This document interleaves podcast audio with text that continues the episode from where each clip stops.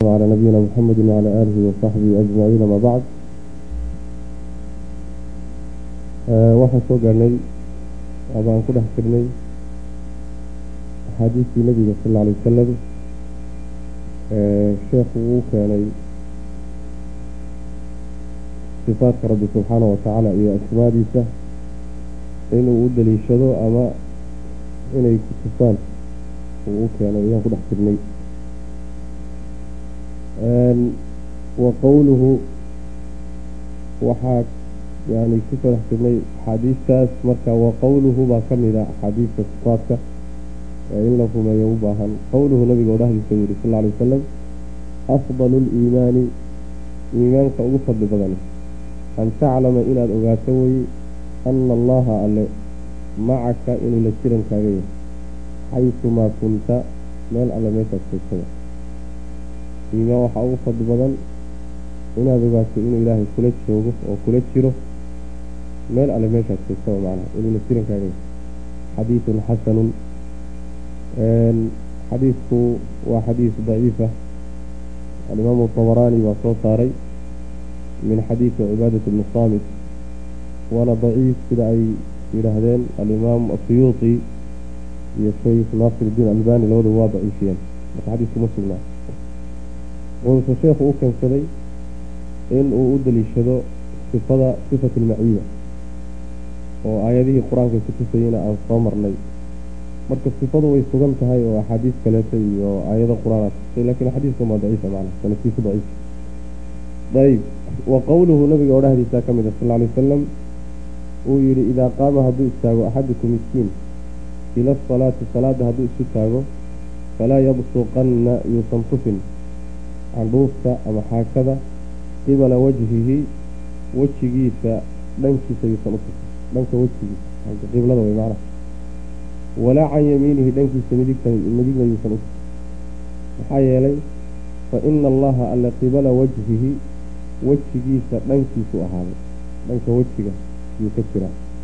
Walaakiin laakiinse can yasaarihi bidixdiisa ha u tufo aw amase taxta qadamihi ama lugtiisa hoosteeda ha ku tufo ama lugta bidixda hoosteeda ama dhanka bidixa isaga tufo saasuu nabigu uri sal alay slam xadiiska muttafaqun caleyhi bukhaariyo muslim baa soo saaray. Macnaha salaada markaad u taagan tahay haddii xandhuuf ama xaako ama wuxuunaa tufto aada u baahato. Hortaada ha u tufin midigtaadana ha u tufin horta ha u tufin waxaa loo leeyahay ilaahay baa horey kaa jiraan le dhanka wejigaaga qiblada xaggeeda ilaahay baa kaa jira marka xandhuuf ha ku tufin ha ku tufin macnaha. Dhanka midigtaana ha u midigtu waa muxtaram. Xadiis waxaa ku soo aroortay riwaayo yani iyaduna saxiixa. Dhanka midigta malag baa ka jira buu nabigu sal marka malaggana candhuufta ha ku tufin waxaa lagu ogolaya marka inaad dhanka bidixda u tufto ama lugta hoosteeda ayib haddii ay lakuu suuroobeynina inaad maradaada faraqeeda ku tufto sida riwaayada kale ay macnaha tilmaamaysa maxalushaahidka hadda xadiiska loo keenay? Waxa weeyaan fa ina allaha qibala wajhihi xagga wejigu alla ka jira subxana watacaala taas iyadana waxay muujinaysaa ilaahi subxana watacaala maciyadiisa inuu addoonka uu la jiro.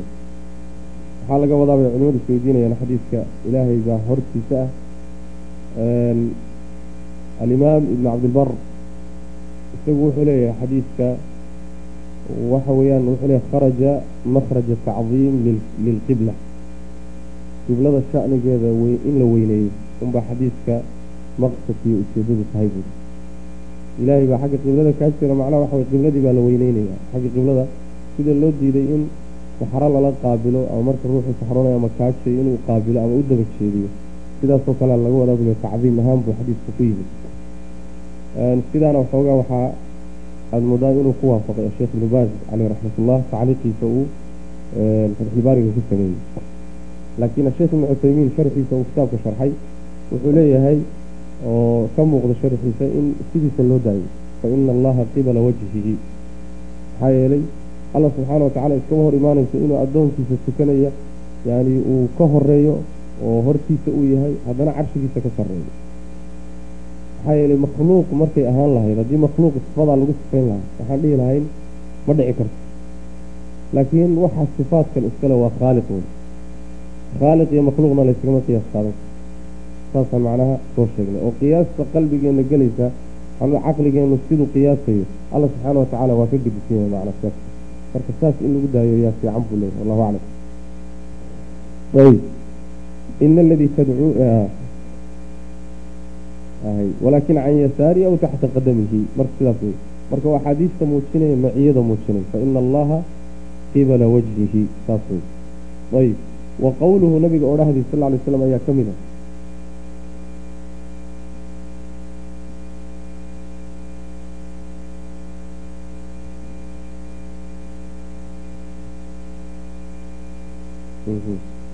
yani wuxuu leeyahay sheekh islaam ibnu taymiya fi lcaqiida alxamawiya isagoo xadiiska sharxaya xadiisku daahirkiisaasaa loo doonaya ilaahi subxana watacaala carshigiisa isagoo ka sarreeya haddana inuu addoonka wejigiisa uu ahaado isma diidaysu leeyahy bal makhluuqa qaarkiibaaba ayba ka suuroobi kartaa makhluuqa qaarkiiba ka suuroodaa masalan adiga markaad salaada ku jirto salaadii ilahi waxaa ka mid a masalan makhluuqaadkiisa waxaa ka mid a samada xagga hore kaa jirtaa korna waa kaa jirtaa oo intaba kaama jirta waana kaa sarraysaa haddana xaggaaga horena waa jirtaa haddii makhluuq ilaahay makhluuqaadkiisa ka mid a ay ka suurowdo isagoo kor jira haddana inuu macnaha waxa weye horey kaa jiri karo. Maxaad umalanaysaa alla subxana watacala marka bule marka rabbi subxaana watacaala isaga oo sifaadkiisa iyo asmaadiisa macaaniday faa'iideynayso aan looga qiyaas qaadan karin makhluuqa baa haddana xadiisku uusan ka hor imaanaynin nusuustii sugaysay sarraynta alle subxaana watacaala saas man wa qowluhu nabiga odhahdiis sal lay slam uu yihi ayaa ka mid ah xadiiskaas allaahuma allahyow rabba asamaawaati samooyinka rabbigooda hayow assabci ee toddobada ah waalardi iyo dhulka rabbigiisow wa rabba alcarshi carshiga rabbigii alcadiimi ee weynaayow carshiga weyn kii iska lahaayow rabbanaa rabbigana wa rabba kulla shay kulli shayin wax walba midka rabbiga u ahow faaliqa alxabbi xabadda dhulka la geliyo midka dhambaliya ama jeexa marka geedku ka soo baxayo xabida waxaa la yidhaha yani waa abuurka marka dhulka la geliya xabiga laga wada yani markii ay geedku ka soo baxayo way kala jeexantaa way dhambalantaa allah subxaana watacaala xabaddaa dhulka hoosteeda ku jirta kala jeexay si uu uga soo baxo geedkii ka soo bixi laha macnaha. Faaliqa alxabbi wannawaa iyo laftimireeda midka kala dhambalay ee kala jeexayo laftimireeduna iyaduna geedku markuu ka soo baxayo way kala dilaacdaa markaasuu geedku meesha wuxuu ka soo baxaa yani jeexa yarkay meesha yarkay jeexa ku taal halkaas yuu ka soo baxa macnaha. Ayib allah subxaana wataala allaha labadaa dhambalayow munzila atawraati allaha tawreed soo dejiyey iyo walinjiili iyo walqur'aani iyo qur'aanka iyo injiilba allaha soo dejiyeyow acuudu waan magangeli bika adigan ku magangeli min shari nafsii nafteyda sharteedaan kaa magangelay lianna naftu waa daatu sharin xumaantay dadka fartaa ina annafsa la ammaaratun bisuu ilaa maa raxima rabbii naftu xumaantay aada u fartaa dadka ilaa cid ilaahay u naxariiso mooyane subxana watacala marka nafta wax ka shar badan ma jiro shaydaan bay waxoogaa saaxiib la tahay oo gacansaar leeyihi acuudu bika magan baan allow ku ahay waan ku magangeli min shari nafsi nafteyda sharteedan kaa magangeli wa min shari kulli daabbatin. Wax mid walba oo tutubta sharkeedana waan kaa magangelaya daabada waxaa la yidhahdaa wax kastoo socda. Yaa la macna. Mid walba oo socota oo dhulka dushiisa ku socota sharkeedan kaa magangelaya waa jinkii waa xayawaanaadkii waa cayayaanaadkii waxaasoo dhan baa soo gelaya wax walba dhulka ku socda. Min shari kulli daabbatin taasoo anta adigu aakidun aad tahay mid haya binaasiyatihaa foodeeda naasiyada waxaa la yidhahdaa yani timaha qeybtooda soo horreeya timaha madaxa qeybta wejiga soo xiga la yidhahdaa naasiyada la yidhahda waa fooda foodeedaad haysaa maxaa laga wadaa? Macnaha taladeedaad gacanta ku haysaa oo carabtaa waxay la yidhaahdaan markaad ruuxa aad yani arrintiisa gacanta ku hayso uusan taladaada dhinacna ka mari karayn baa la yidhaahdaa fulaanun aakhidun binaasiyati fulaan hebel hebel buu foodiisa hayaa. Macnaha waxa weeyaan yani isagaa u taliyo oo meella kama aadi karo maana marka daabad walba ood adigu foodeeda hayso ayb anta adigu allow al awalu midka horaad. Macnaha yani qeybtaas waxay tilmaamaysaa makhluuq oo dhan ilaahay subxaana watacaala bay arrinkiisa hoos yimaadaanoo isagu wuxuusan ogeyn oo qorshaynin kuma tillaabsan karaan. Xataa makhluuqaadka wax dhiba ma dhibi karaan uusan rabbi subxaana watacaala uusan ogeyn isaga gacantiisa ku jiraan macnaha anta adigu alawalu midkii horreeyey baa tahay. Midka horreeyaa tahay oo aan laga horreynin. Oo falaysa muusan ahaanin qablaka hortaa shay-un waxna ma ahaanin saas macna maxaa yeele bilowba male alla subxana watacaala wa anta adigu alaakhiru midka dambeeyaa tahay oo markii la wada dhammaado dambayn doono falaysa muusan ahaanin bacdaka gadaashaada shay-un waxna ma ahaan adiguna dhammaad ma lihid macnaa meelaad ku dhammaato ma jiro wa anta adigu aldaahiru midka sarreeyaa tahay oo falaysa ma ahanin fawqaka dushaada shay-un waxna ma ahaan wax makhluuqoo kaa sarreeya ma jiro. Makhluuqaadka carshigaa ugu sarreeya inta laynoo sheegay carshigana ilahay baa ka sarreeya subxana watacala allana makhluuq kama sarreeyo. Wa anta adiguna albaatinu baa tahay allow midka xiga addoommadiisa midka sokeeya. Oo falaysa muusan ahanin duunaka sokadaada shay-unna ma ahaan wax addoommadaada kaaga sokeeya ma jiro haddana carshigana waa ka sarreeya baa layidhi haddana cidina ugama sokaysaa layidhi alla subxana watacala addoommadiisa saas way macnaa yacni alla subxaana wa tacaala markaad miisaankaagu uu noqdo sifadu waa sifo rabbi ee sifo makhluuq ma ah sifaadka ilaahayna kayfiyadooda lama yaqaano. Iska hor imaan maayaan laakiin waxay iska hor imaan markaad ku miisaanto sifaadkii makhluuqaadka lagu yaqaano. Saas macana ayb wa anta albaatinu falaysa duunaka shay. Aqdi ilaahu gud canii aniga xaggayga addayna ilaahu daynta iga gud.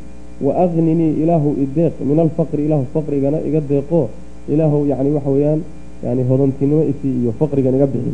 Saasuu nabiga ka ducaysan jiray sal alay wasalam yani waa duca muhima dadka deymaha qaba iyo dadka faqriga yani uu ku dhacay iyo yaa loo baahanya inay ku ducaystaan maclushaahidka xadiisku marka waxa xadiisku wuxuu sheegay ilaahay sifaadkii subxaana watacala asmaadiisa oo yani alawal iyo alaakhir aldaahir albaatin sifaadkaaseen qur'aankana waan ku soo marnay ayadda qur'aanka. Anaga ku soo marnay. Afartaas sifada iyadoo sheegaysa macana marka xadiisku wuxuu fasirayaa ayaddii aynu soo marnay waana xadiis saxiixo imaam muslim baa soo saaray ayib. Wa qowluu nabiga odhaadii sal lay slam uu yidhi ayaa ka mid ah axaadiista lamaa rafaca markay kor u qaadeen asaxaabatu saxaabadu aswaatahum codadkooda sawdkooda markay kor u qaadeen bidikri dikriga yani dikrigii ay yani tasbiixdii iyo taxmiiddii dikrigii alla subxaana allah iyo alxamdu lilah dikrigu kaawey kaasaa laga wada bay kor u qaadeen oy la dhawaaqeen markaasuu nabigu wuxuu ku yihi sal lay wasalam yaa ayuha annaasu dadow arbicuu u dhimriya calaa anfusikum nafafyaalkiina u dhimriya yacni u tura wey waxba ha isdhibina qayladan iska daaya wey maana dhawaaqan iska daaya naftiina u tura. Arbicuu u dhimriya calaa anfusikum maxaa yeelay fa inakum idinku laa tadcuuna uma yeedhanaysaan asamma mid dhegala walaa haa'iban iyo mid maqantoona. Ruux kaa maqan oo aada isleedahay haddaad hoos u hadasho ku maqli maayaa loo dhawaaqaa. Dhegabala halahaada hadduu rabe ama meehee mid dhegala oo doonayso ina kor markaad u dhawaaqdo un ku maqli baa loo dhawaaqaa laakiin allah subxaana wa tacaala aada u yeedhanaysaan saas maaha innamaa tadcuuna waxaaduun u yeedhanaysaan samiican alla maqla ah basiiran oo arka ah. Qariiban oo haddana idiin dhow. Ina aladii midka tadcuunahu aada u yeedhanaysaan eed baryaysaani aqrabu wuu dhow yahay. Ilaa axadikum midkiin wuxuu uga dhow yahay min cunuqi raaxilatihi hashiisa luqunteeda. Yacni hasha uu ninku saaran yahay luqunteeda. Allah aada baryaysaan baa idinka dhow buu nabigu sal ly slm waxbaha qeylqeeliyanaya aayada hoos tartiib ilaahay subxaana allah iyo alxamdu lilah iyo baryadiina iyo ducadiina hoos u dhaha buu nabigu yuri salawatu rabbi wasalaamu caleyh saas man xadiisku marka wuxuu tilmaamayaa macnaha dikrigaas sidiisaba. Ilaahay la xuso subxaana wa tacaala asal waxaa u ah in hoos loo dhigo. Asalku maxaa yeele cibaadadu kullama ay qarsoon tahay way ka khayr badan tahay midda muuqata ilaa fii bacdi almawaadic meelaha qaarkood mooyaane. Meelaha qaarkood oo maslaxadu ay ku jirta in kor loo qaado. Marka qarinta oo hoos loo dhigo baa cibaadada asal u ah. Meelaha qaarkood oo kor loo qaaday oo cid kale la maqashiiyeyna way soo aroortay meelahay ku soo aroortay baa lagu gaabinaya. Sida masalan salaadoo kale salaadahaasoo qaarna siriye maha qaarna jahriye maha meelaha qiraa'ada lala jahrayo meelaha saasaa lagu khaaseeli laakiin asalka dikrigu in hoos loo dhigo wey macnaha ayib. Maxaa yeelay alla subxaana wa tacaala waana maqlayaa addoommada waana u dhow yahay waana arkayaa. Oo wuxuu uga dhow yahay buu uri sal lay wasalam midkiin hasha uu saaran yahay luqunteeda rabbi waa idinka dhow yahay subxana watacala xadiisku waa bukhaariyo muslim baa soo saaray. Qurbigaa marka ilaahi subxaana watacaala uu ku sheegtay xadiiska ku soo arooray yani waa qurbi ilaahay u qalma subxana watacala culimada salafkusaan horey buu idinku sheegay qaar waxay ku fasireen qurbiga waxaa laga wadaa qurbu ixaatatin wa cilmin wa samcin wa ru'ya. Ilaahay waa idin koobaa waa idin ogyahay waa idinla socdaa waa idin maqlayaa waa idinka warhayaa waa idin arkayaa saasaa laga wadaa bay leeyihi saas man saana waa la yidhahdaa yani ruuxa markaad aad adoon la joogin aada ka warhayso waxaad dhihi waan kula socday sooma waan kula socday markaasaa iyo saas samaynaysa maada la joogin marka awow ama matalan cameraad ka daawanaysay ama yani waxa weyaan maaragtay si kale un baad ula socotay laakiin meesha lamaada joogin. Haddana waxaa tihi waan kula socday. Waan kula socday markaad tidhaahdo ninkan luqada soomaaliga aqooni wuxuu u qaadanay inaad isgarab socoteen. Soo ma? Laakiin luqad walba waxay leedahay qaab loo isticmaalo iyo balaaqaad iyo waxyaalay leedahay. Waan kula socday macnaheedu warkaagaan hayo wey waan ku arkayey waan ku maqlayey waan ku ogaabaa loo isticmaalaa. Taasoo kale wey macnaha. Marka sidaasay ku fasireen culimada selafka qurbiga rabbi subxana watacala addoommadiisa u dhow yahay. Macnahaasay ku fasireen. Qaarna saan horeyba idinku sheegay yani sheekhu islam ibnu taymiya kutubtiisa qaarkood iyo ibnu cuthaymiin jidku marayay iyo sideeda ha loo daayay leeyihi alla subxaana wa tacaala isma diidayso inuu addoommadiisana u dhow yahay carshigiisana ka sarreeyo oo isdiidadu waxay imaanaysaa un keliyata markuu caqligaagu aado makhluuqa sifaadkiisa. Markaasaa waxaa imaanaysa warseebu uuna dhow yahay haddana carshiga uga sarreeyaa waxaad ku miisaantay wixii aad taqaanay. Kayfiyadii sifada buu marka yaad aaday. Taana ha layska xidhaa layidhi oo faraha laga qaado. Marka waa dhow yahay carshigiisana waa ka sarreeya. Saa ha lagu daayo ayay leeyihiin macna. Ayb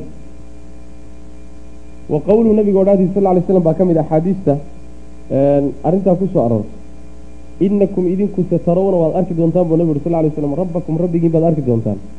Kamaa tarawna saaad u aragtaan oo kale alqamara dayax oo leylata albadri dhammaystirnaanta habeenkeeda jooga.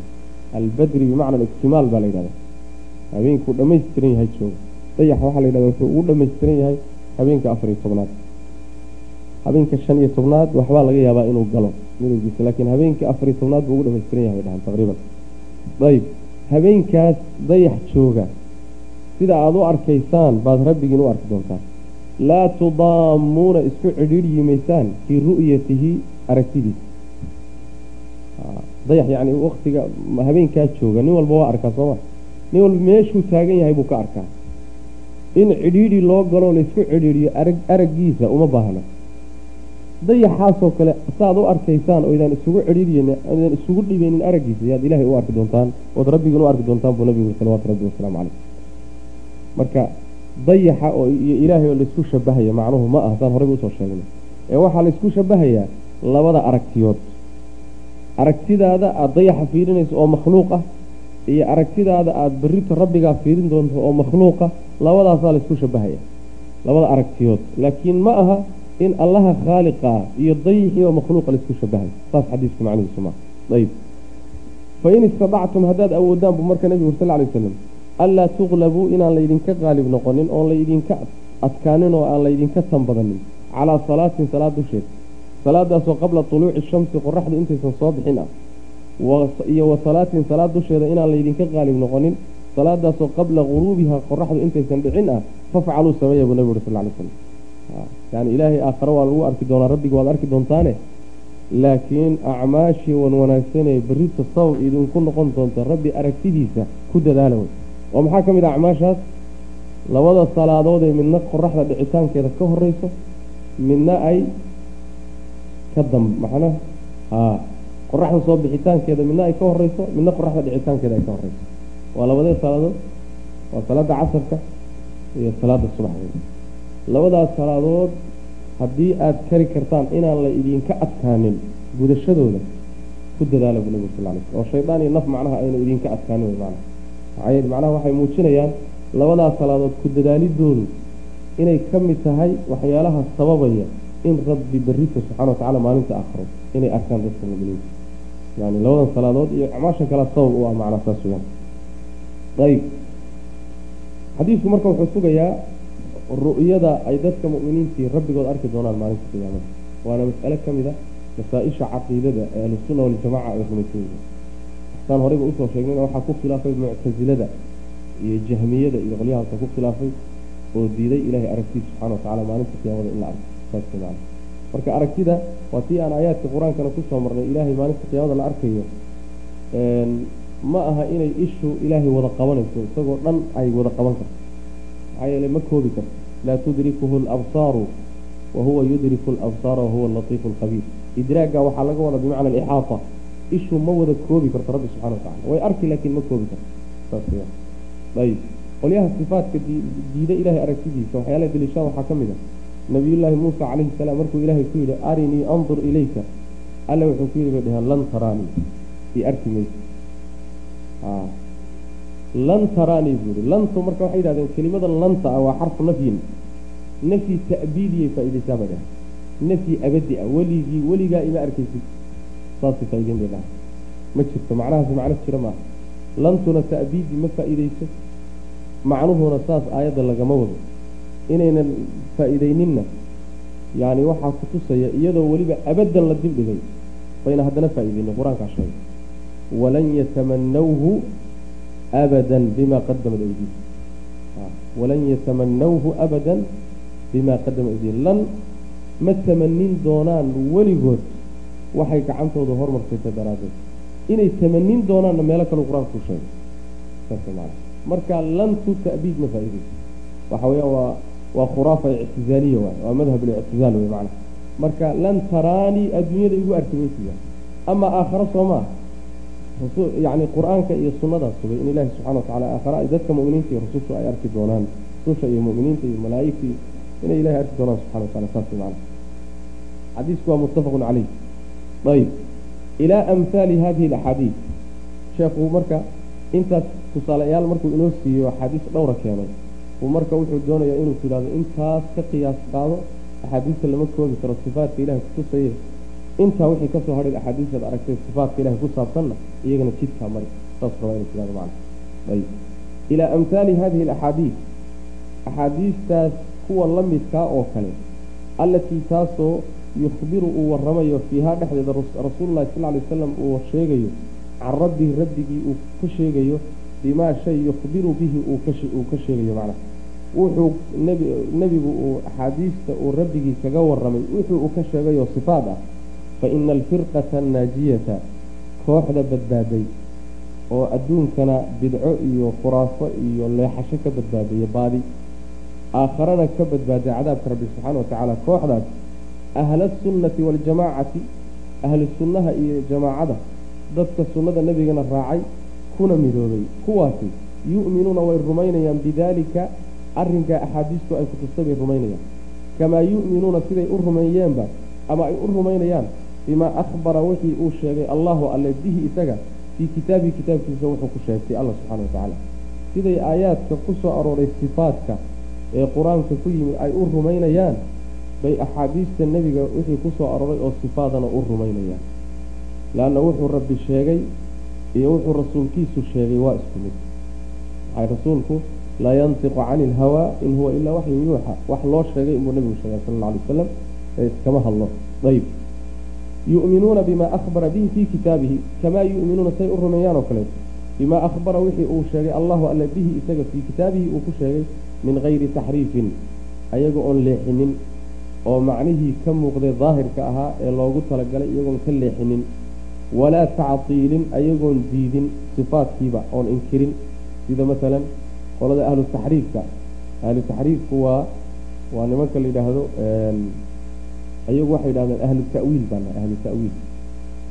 Ahlu ta'wiil kelimatu ta'wiil in la isticmaalaayo nooc tadliisaa ku jira talbiis baa ku jira. Leanna ta'wiilku marna xaq buu noqdaa marna baatil buu noqdaa. Ta'wiilkana waxaa la yidhahdaa sarfu lkalaami can daahirihi.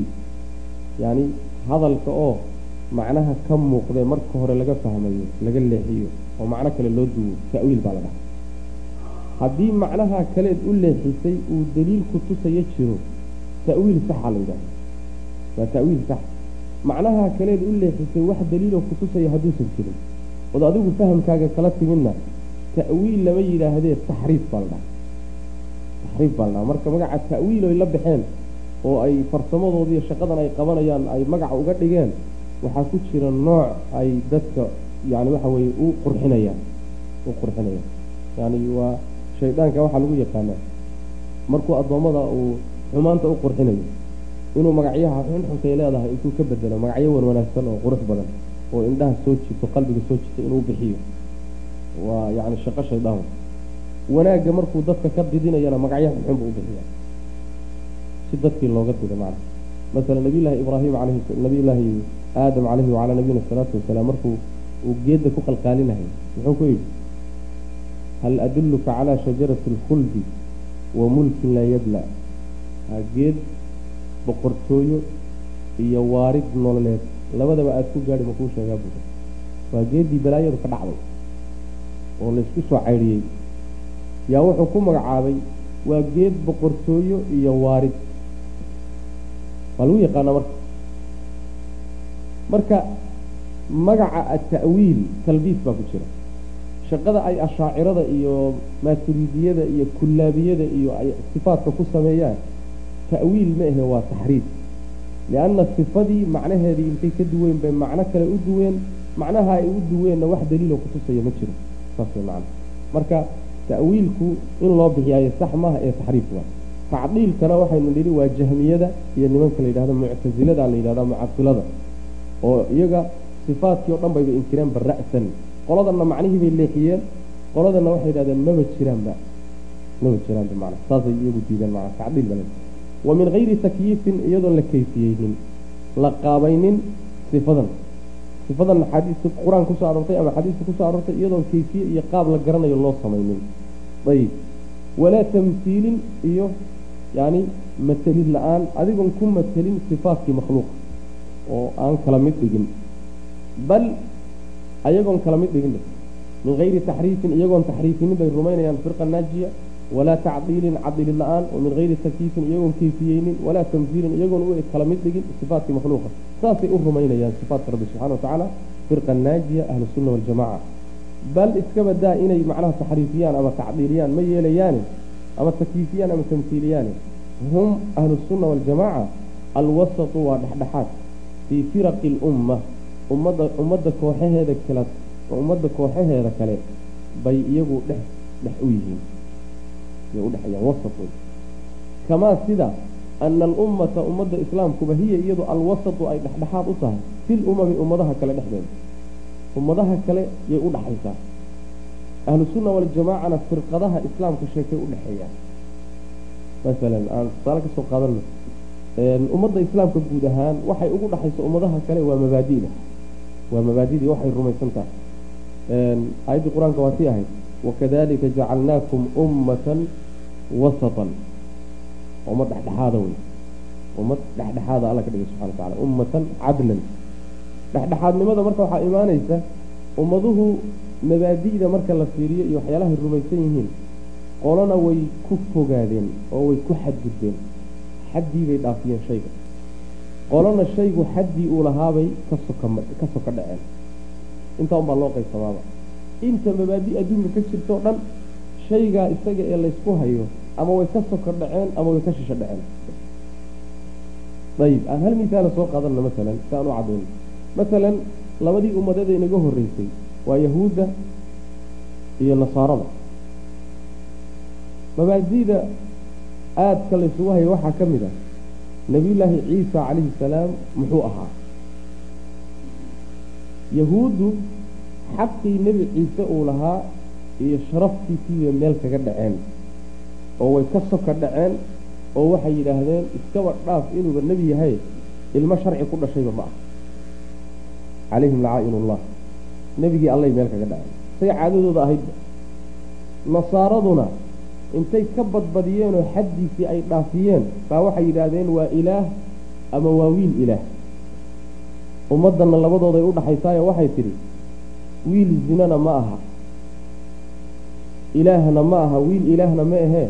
Waa addoon ilaahay oo rasuul ah oo sharci ku dhashay rabbina abuuray subxana wa tacaala. Soo uma dhexeeyaan marka. Qoladii fogaatay iyo qoladii ka soko dhacday bay udhexeeyaan ummadda islaamku marka jamiicu lmabaadi oo ummaduhu qabaan ayadaa udhexaysa ummadaha. Saas macnaha. Mabaadideeda ayadaa udhexaysa sidaa ay ugu dhexayso baa ummaddii islaamku markay qaybsantay oo koox koox noqotayna kooxda ahlusunna waljamaaca la yidhaahdo waxay u dhexeeyaan kooxaha faraha badan ee toddobaatan iyo saddexda kooxood gaadhaya ee islaamka wada sheeganaya qaybsamay yay u dhexeeyaan. Oo waxay ugu dhexeeyaan masaa-isha laysku haysto masaa-isha lagu qaybsamay markaad fiiriso ahlusunna waljamaaca kooxda ku xadgudubtayna ma aha. Kooxda ka soko dhacdayna ma aha. Xaqii bay asiibeen oo iyagoo ku dul yuurursadeen saas way macnaha miisaaluu marka ka bixinayaa sheekh. Masaa-ishii ay isku khilaafeen firaqda iyo ahlusunna ee ahlu sunnuhu ay kaga gar leeyihiin. Ahlufiraquna ay u qeybsameen qolo ku xadgudubtay iyo qolo yani taqsiir samaysoo ka soka dhacday masaa-ishiibu marka wax inooga sheeg sheegi doonaa si ay qaacidadu inoogu cadaato macnaha qaacidadu waxa weeyaan ahlu sunna inay u dhexeeyaan firaqda. Saas firqooyinka inay udhexeeyaan qaacidadu waa midda tusaalayaasha u bixinaya masalan iyo masaa-ishii arrinkaas ay ku timi bal iska dhaafay hum firqada naajiyada ama ahlu sunnuhu alwasatu waa dhexdhexaad fii firaqi lummati ummadda kooxaheeda kala gedisan bay u dhexeeyaan kamaa sida ana alummata ummadda ummadda islaamkuba hiya iyadu alwasatu ay dhexdhexaad u tahay fi lumami ummadaha kale dhexdooda say ugu dhexayso. Mabaadiday rumaysanyihin ay dhexdooda u tahay macnaha ayib oo mabda-eeda ayaa cadaalad ah. Ayaa meeshii la rabay yaalla wey macnaha ayib fahum ahlu sunnuhu wasatun waa dhexdhexaad. Waxay dhexdhexaad ku yihiin fii baabi sifaati illaahi subxaana wa tacaala.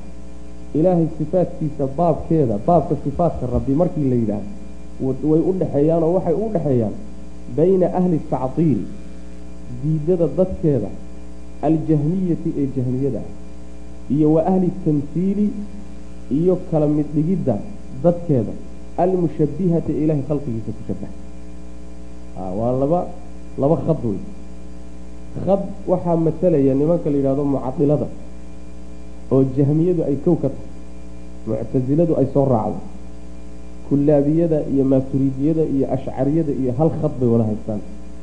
Khadkoodu muxuu yahay? Khadkoodu waxa weeyaan ilaahay subxaana wa tacaala sifaadkiisii oo la diido. Ama ha la wada diido ama qaarna ha la diido qaarna ha la sugo. Ashcariyadii maaturidiyadu qaarna way diidaan qaarna way sugaan.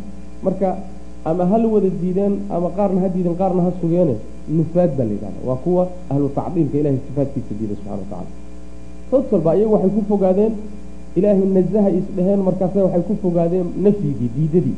Markaasa waxay yidhahdeen ilaahay wax sifa aba male dayb samiic wax sifa ma faa'ideynayso samci lagama fahmayo. Yacni xayaa lagama fahmayo. Dabcan way ku kala gedisan yihiin oo ashcariyadii way ka yara sukeeyaan iyo maturidiyadii waxbay kaga gedisan yihiin ficlan. Ayib oo hadda tafsiilkeeda aynaan yani waxa weye waqtigu inoo saamaxayn gelitaankeeda. Ayib qola waa qoladaas. Qoladaasi waxay ku fogaadeen nafyigii qolada labaadna waa nimanka la yidhahdo ahlu tamhiilka ee mushabihada la yidhahdo.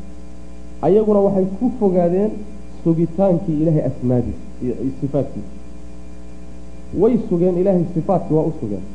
Laakiin sugitaan mayna ku gaabsanina waxay ku dareen sifadan ilaahay wuu leeyahay.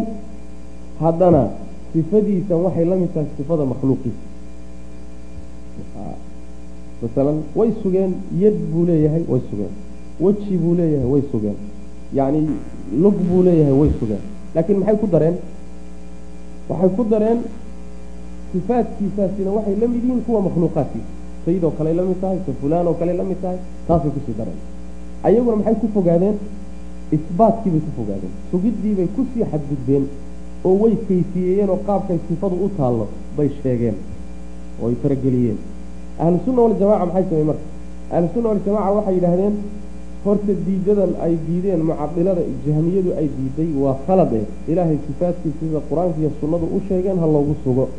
Waa kow. Qoladan sifaadkii intay sugeen kuwii makhluuqa u ekeysiiyeyna way diideenoo waxay yidhaahdeen ilaahay makhluuqiisa la sifo ma noqdo sifaadkiisuna uma eka waana ka nasahan yahay sifaadku ilaahay waxay ugu sugan yihiin si isaga u qalma. Si cadamadiisa iyo weynankiisa iyo kamaalkiisa ugu qalma bay sifaadku ugu sugan yihiin. Kayfiyadoodana lama yaqaano oo ma garanayno laynooma sheegin. Marka qoladii mushabihada ahaydna way khilaafeen. Qoladii nufaadahayda sifaatka diidayna way khilaafeen. Labadiiba way udhexeeyaan soo ma? Qoladan diidadoodii ay diideen sifaatka ma jirtay dheh qoladanna sugay sifaatka xagga sugitaanka sifaatka iskaga mid bay ka yihiin iskaga mid bay ka yihiin laakiin waxay ku khilaafsan yihiin shabihidda ilaahay ay khalqigiisa ku shabaheen taasay ku diiday. Qoladaas mucadilada ee sifaatka diidayna waxay kala mid yihiin ilaahay in la nasaho. Oo laga hufo leanna waxaan idhi qolada sifaatka diiday inay sifaatka ilaahay u diidaan waxaa u geysay ilaahay nasaha oo ceeb ka fogeeya. Oo inuu khalqigiisa u ekaado meella uga ekaado ka fogeeya taasaa u geysay marka tansiihii ilaahay la nasahayey waxay la wadaagaan mucadilada laakiin qaabkay ilaahay u nasiheen iyagu umayna nasihin ilaahay sifaatkiisay u sugeen. Markay u sugeenna sifaatkii waxay ugu sugeen si ilaahay u qalan. Waxayna ka nasiheen rabbi subxaana wa tacaala inuu makhluuqiisa uu wax la wadaago ama sifo la wadaago ama wuxuun ay ka dhexayn karo yay ka nasiheen macnaha marka sidaasay ugu dhexeeyaan bayna ahli tactiil aljahmiya wa ahli tamsiil almushabiha saas macnaha ayb. Wahum iyagu wasatun waa dhexdhexaad. Waxaa kaloo dhexdhexaad ku yihiin fii baabi afcaali illaah ilaahay afcaashiisa baabkeeda. Waxay u dhexeeyaan bayna aljabriyati nimanka jabriyada la yidhaahdo iyo walqadariyati qadariyada iyo wakayrihim keyrkoodba afcaasha ilahay waxa weeyaan waxyaalaha ilaahay uu qadaray. Macnaha waxaa meesha taalla. Addoonkii inagoo kale masalan makhluuq waxbaan samaynayna allana subxaana wa tacaala waxaa la yidhi isagaa abuuray idinkana idin abuuray waxaad samaynaysaanna abuuray. Afcaasha ilaahay iyo waxyaabuhu ilaahay samaynayo iyo addoommadu waxyaalahay samaynayaan sidii laysu waafajin lahaa baa lagu kala jabay. Jabriyadu waxay yidhaahdeen wax kasta oo dhacaya ilaahay unbaa samaynaya addoonkuna wuu qasban yahay ka salaada tukanaya wax khiyaar iyo doonitaan iyo isagu iraado kuma lehee waa usan dullaysan yahay qasab. Midka zinada gelaya ilaahay baa ku qasbay. Walciyaadu billaah ka wax dilahaya ilaahay baa ku qasbay. Waa qasban yahay. Waa sida masalan ul intaad qaad usha adiga gacantaada ku jirteed wax ku dhufanayso kale addoonkii saasuu ka dhigan yahay oo khiyaar ma laho iraado ma laho wuxuu leeyahay ma jirto. Leedahay nimanka noocaas oo kalea marka addoonkiibay khiyaar oo dhan ka saareen. Inuu wax dooran karo wax dooni karo wax diidi karo bay ka saareen. Waxay ka dhigeen inuu qasban yahay. Oo haddii la yidhahdo wuu qasban yahay haddii la yidhahdo wuu qasban yahay hadda kii salaad lagu qasbayna ma mudna in ajir laga siiyo. Soo ma? Leanna wax laguu qasbay iraadadaada aadan ku samayn waxba kuma lihi. Kii dembiga lagu qasbayna dembi kuma laha soo saas kama dhalanayso hadda masalan adiga haddii intuu seef lagula dul istaago lagu yidhaahdo masalan waxa weeyaan maaragtay lagu yidhaahdo dembigan gal ood ka cabsato in lagu dilo oo dembigii gasho. Dembigaa ilahay agtiisa ma lagu qabanaya? Maya laguu qaban maayo. Saas maana marka qoladan jibriyada ah fikradooda waxaa ka dhalanaysa khaldan. Addoommadu waa qasban yihiin haddii la yidhaahdo in kii ilaahay adeecayna la yidhaahdo waa lagu qasbay daacadaas sidaas daraaddeed abaalgud kuma laha. Kan dembiga galayna dembiga waa lagu qasbay oo ilaahay baa ku qasbay oo ficilka ilaahay baaba iska lahaa yani sidaas daraaddeed eed kuma laha iyo wax lagu cadaabatoono jibriil jibriya la yidhahda nimankaas qolaa dhanka kale istaagtay oo waxay yidhaahdeen ma ahee qadariya la yidhahdaa qoladan dambe. Qadariyadu waxay yidhahdeen ma ahee addoonku isagaa wuxuu samaynayo abuurayaba. Ilaahayna shaqo kuma laha oo taa macnaheedu waxa weeye addoonku wuxuu samaynayo ilaahay ma abuurin ee addoonka laftiisa abuurahay. Marka waa isagaa khaaliqa. Ficilkaan adigu samaynayso hadday daaco tahay iyo hadday macsiyo tahayba adaa samaynaya mooyaane ilaahay subxaana wa tacaala awoodna kuma laha kaamana celin karo adigaa samaynaya yacni waxa weye isaguna shaqo kuma leh. Doonidna kuma leh iraadana kuma leh abuurna kuma leh adigaa sameeyey adigaana abuuray aduuna kaa soo fulay. Soo dhanka kale ma ah qolana waxay ka dhigeen addoonkiibay ka dhigeen khaaliq afcaashiisa abuuraya oon looga sarraynin. Qolana addoonkiibay ka dhigeen afcaashiisa inuu kuba qasban yahay wax khiyaara uusan lahayn. Ahlu sunna waljamaca maxay yidhahdeen marka? Waxay yidhaahdeen meehee horta wax walba ilaahay baa abuuray. Addoonkana alla abuuray wuxuu samaynayana alla abuuray. Khalaqakum wamaa tacmaluuna soo maa idinkiiyo waxaad samaynaysaan ba allah idin abuuray subxana wa tacaala. Abuurka ilaahay iyo awoodiisa waxna kama hoos bixi karaan. Wax kastoo dhacayana wuxuu isagu qorsheeyey wuxuu qoondeeyey wuxuu abuuray u dhanka waa dhankaa oo yay ku radiyeen dhankaa waxay kaga gedisan yihiin qadariyadii. Qoladii jabriyad ahaa yidhi addoonku waa qasban yahayna way khilaafeen oo waxay yidhaahdeen. Ma ahee ilaahay subxaana wa tacaala ilaa xaddi maa addoonka wuxuu siiyey doorasho wuxuu siiyey khiyaar wuxuu siiyey doonitaan wuxuu siiyey awood. Waana midda uu ku mudanayo hadduu khayr kula yimaadana in lagu abaal abaalgud wanaagsan lagu siiyo hadduu dembi kula yimaadana in lagu ciqaabo. Marka nooc awooduu leeyahay khiyaar buu leeyahay yani wuxuu leeyahay yani doonitaan buu leeyahay. Ha ahaatee doonitaankiisa iyo khiyaarkiisa iyo yani awooddiisa kullita ilahay bay hoos joogtaa. Wamaa tashaa'uuna ilaa an yashaa allahu sooma doonidiinu waa ta allay daba taalla subxana wa tacaala.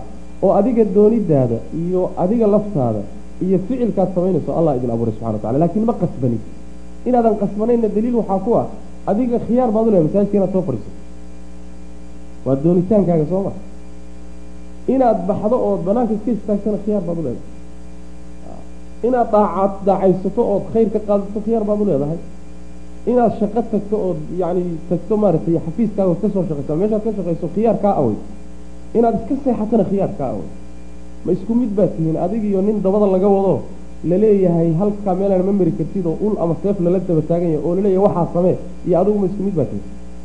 Maya adigu nooc khiyaaraad leedahay wax ku samaynaysaa wax ku diideysaa wax ku dooranaysaa wax ku ogolaanaysaa ilaa akhiri kanise yani waxa waa murqam waa qasban yahay marka addoommadu nooc khiyaara doonitaan waa leeyihiin laakiin doonitaankooda iyo khiyaarkoodu ka ilaahay buu hoos yaalla subxana wa tacala saas macnaa kama madax banaana kii rabbi subxana wa tacala marka waa madhabka ahlusunna waljamaca afcaasha ilahi subxana wa tacala saasay ka rumaysan yihiin.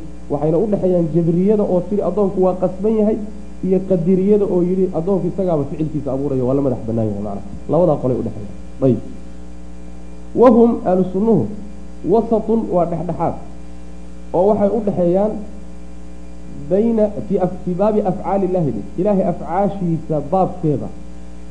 Waxay u dhexeeyaan bayna aljabriyati jabriyada iyo walqadariyati iyo wagayrihimba wixii aan iyaga ahayn. Qolyo kale oo baabka inay isku khilaafsan yihiin yani waxaa jiri kara laga yaaba inay isku khilaafsan yihiin. Marka iyaga keligood maha keyrkooda xataa saas macana adigu labadaa madhab baa caan. Madhabka masalan qadariyada iyo madhabka jabriyada. Waa laba madhabo iska soo inta badan madaahibtan aad arkaysaan mid baa soo baxa. Mid markuu soo baxo oo khaladkiisu muuqdo yaa qolo kalaa soo baxaysa si ay u radiyaan khaladkii qoladii hore. Markaase iyagii waxay ku saxayaan khaladkii hore khalad kale. Saas way macana yani taqriiban hadda masalan tiyaarka qadariga markuu soo baxay qadariyadu markay yidhaahdeen addoonku isagaa afcaashiisa abuurayoo la madax bannaan ilaahayna shaqo kuma laha baa waxaa soo baxday jabriye oo u jawaabaysa oo iyaga radinaysaoo yidhi maye addoonku waaba qasban yahayba. Dhanka kale uga duseen iyaguna saas maana marka waa siyaaraad u soo baxay inay isradiyaan. Waa meeshay yidhaahdaan qawaacidda ahlusunna waljamaca waxaa ka mid ah yani waxa weeye cadamu raddi lbidcati bilbidca haddii bidca la radinaya waa in sunnada lagu radiyo soo ma? Laakiin yani sida la yidhaahdo kaadi waxaan dhihi laha dhiig kaadi laguma dhaqo. Hadduu meel dhiig kaa gaadho ood kaadi ula tagtood ku dhaqdo iska war. Khalad khalad laguma saxa way macnaha. Khaladka sax baa lagu saxaa laakiin khalad khalad laguma saxo. Firaqdan marka iska soo horjeeda inta badan waxay u samaysantay waa siyaaraad inay isasaxaan ku talagalay. Laakiin fogaaday mid baa midka kale dhanka uga baxay saasay macnaha ku yimaadeen haaliban waa sida hadda saxwada ka dhex muuqato.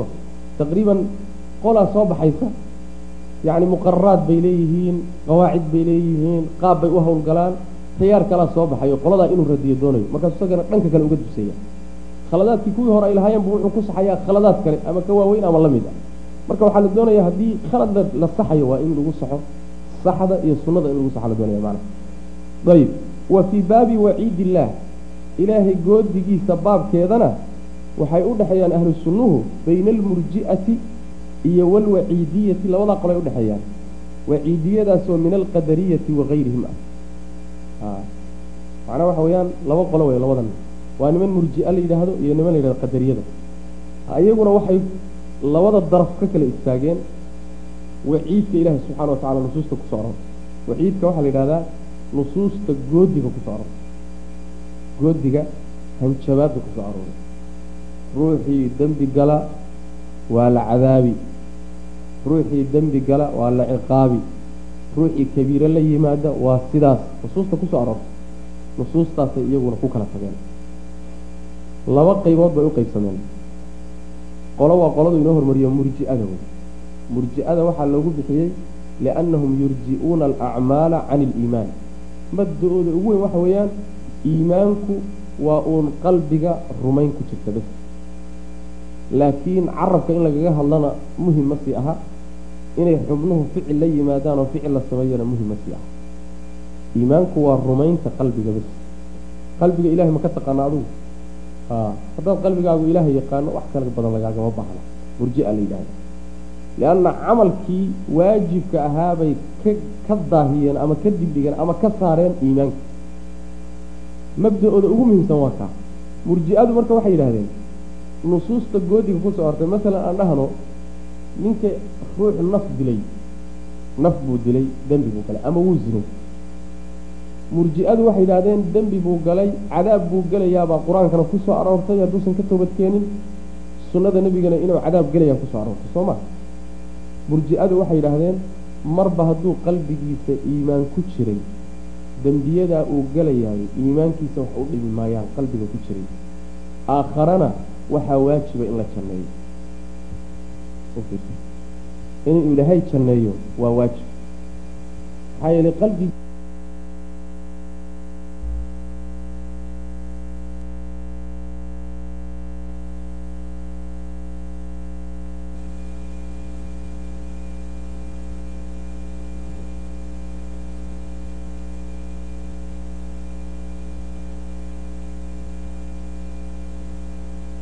ku dhacaayey ama zinaysta ama ruux dila ama waxadaayey automatikiyan islaamka waaba ka baxayba.